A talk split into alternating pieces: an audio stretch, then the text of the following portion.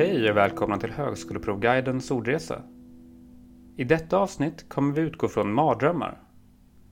Mardröm och mardrömmar är ett vanligt ord, både i tal och skrift, och alla är bekanta med vad en mardröm är för någonting.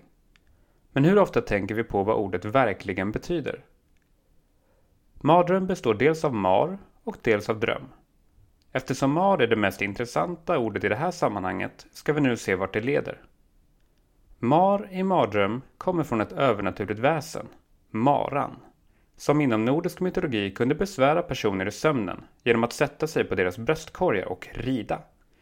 Därifrån kommer uttrycket marriden, som betyder besvärad av en mardröm. Känslan av att ha en mardröm, eller bli marriden, kan sägas vara marig, det vill säga obehaglig, besvärlig eller problematisk. En marig situation är således en krånglig och kanske till och med ångestframkallande situation. När man talar om träd och växter betyder marig dessutom att någonting vuxit ihop. Grenar kanske är förkrympta och toviga. Marig är här alltså en slags defekt eller vanskapthet hos växter. Redan vid det här laget anar vi hur mar, mara och marig har en väldigt negativ innebörd. En illmarig person är exempelvis en lömsk och slug person, en bedragare. Vi finner även mar i marodör, som också betyder någon som plundrar, bedrar eller vandaliserar. Det är vidare lätt att tro att markatta har någonting med mar att göra.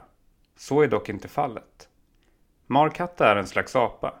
Den mest kände är kanske Herr Nilsson i Pippi Långstrump-böckerna. Även om Herr Nilsson i Pippi-filmerna spelades av en dödskalleapa. Markatta har ingenting med den nordiska maran att göra utan kommer från sanskritens ord för apa, markatta.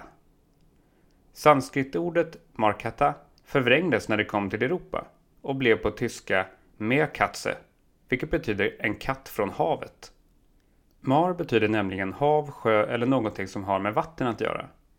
Maritim betyder just någonting som är kopplat till sjö, hav och sjöfart. Till sjöfart kan jag även se hur marin kan kopplas, som betyder just flotta en uppsättning fartyg. De som jobbar inom marinen ingår i marinkåren.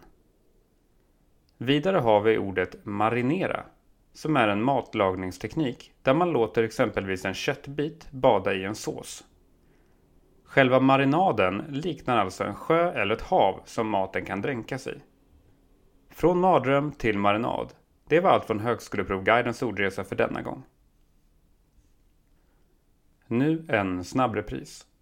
I detta avsnitt har vi kopplat samman Mardröm, en ångestframkallande dröm. Mara, övernaturligt väsen i nordisk mytologi. Marig, uttröttande, ångestframkallande. Marriden, plågad av mardrömmar. Illmarig, en lömsk person.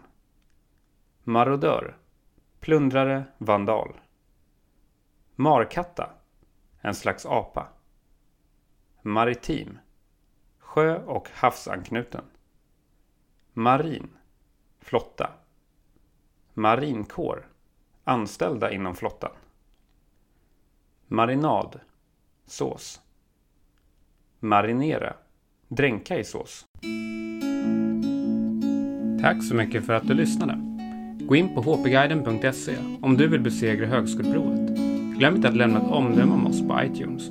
Hej då!